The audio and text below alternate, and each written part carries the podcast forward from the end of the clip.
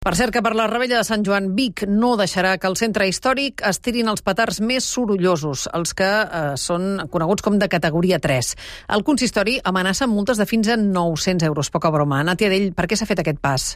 Bon dia, Marta. Doncs perquè la convivència, segons el cap de la Guàrdia Urbana, Antoni Jurcó, ja havia arribat a un punt que era impossible entre els amants dels petards i la gent que va prendre alguna cosa a les terrasses de la plaça. Ho explicava això. Perquè la plaça d'alguna manera s'havia convertit al punt de trobada d'una gran quantitat de persones que volien llançar petards. Hi havia petards per sota de les cadires, de les taules, era molt complicat. Llavors les queixes eren contínues, per això s'ha fet aquesta proposta, a veure si es millora, diguem, aquesta convivència. Realment, d'altres anys, a la plaça, el Terrabastall, era important amb petards i coets de gran potència que comportaven això que escoltàvem, queixes de veïns i de clients de terrasses, alguna baralla també, algun dany material a edificis, a material urbà o fins i tot alguna lesió puntual.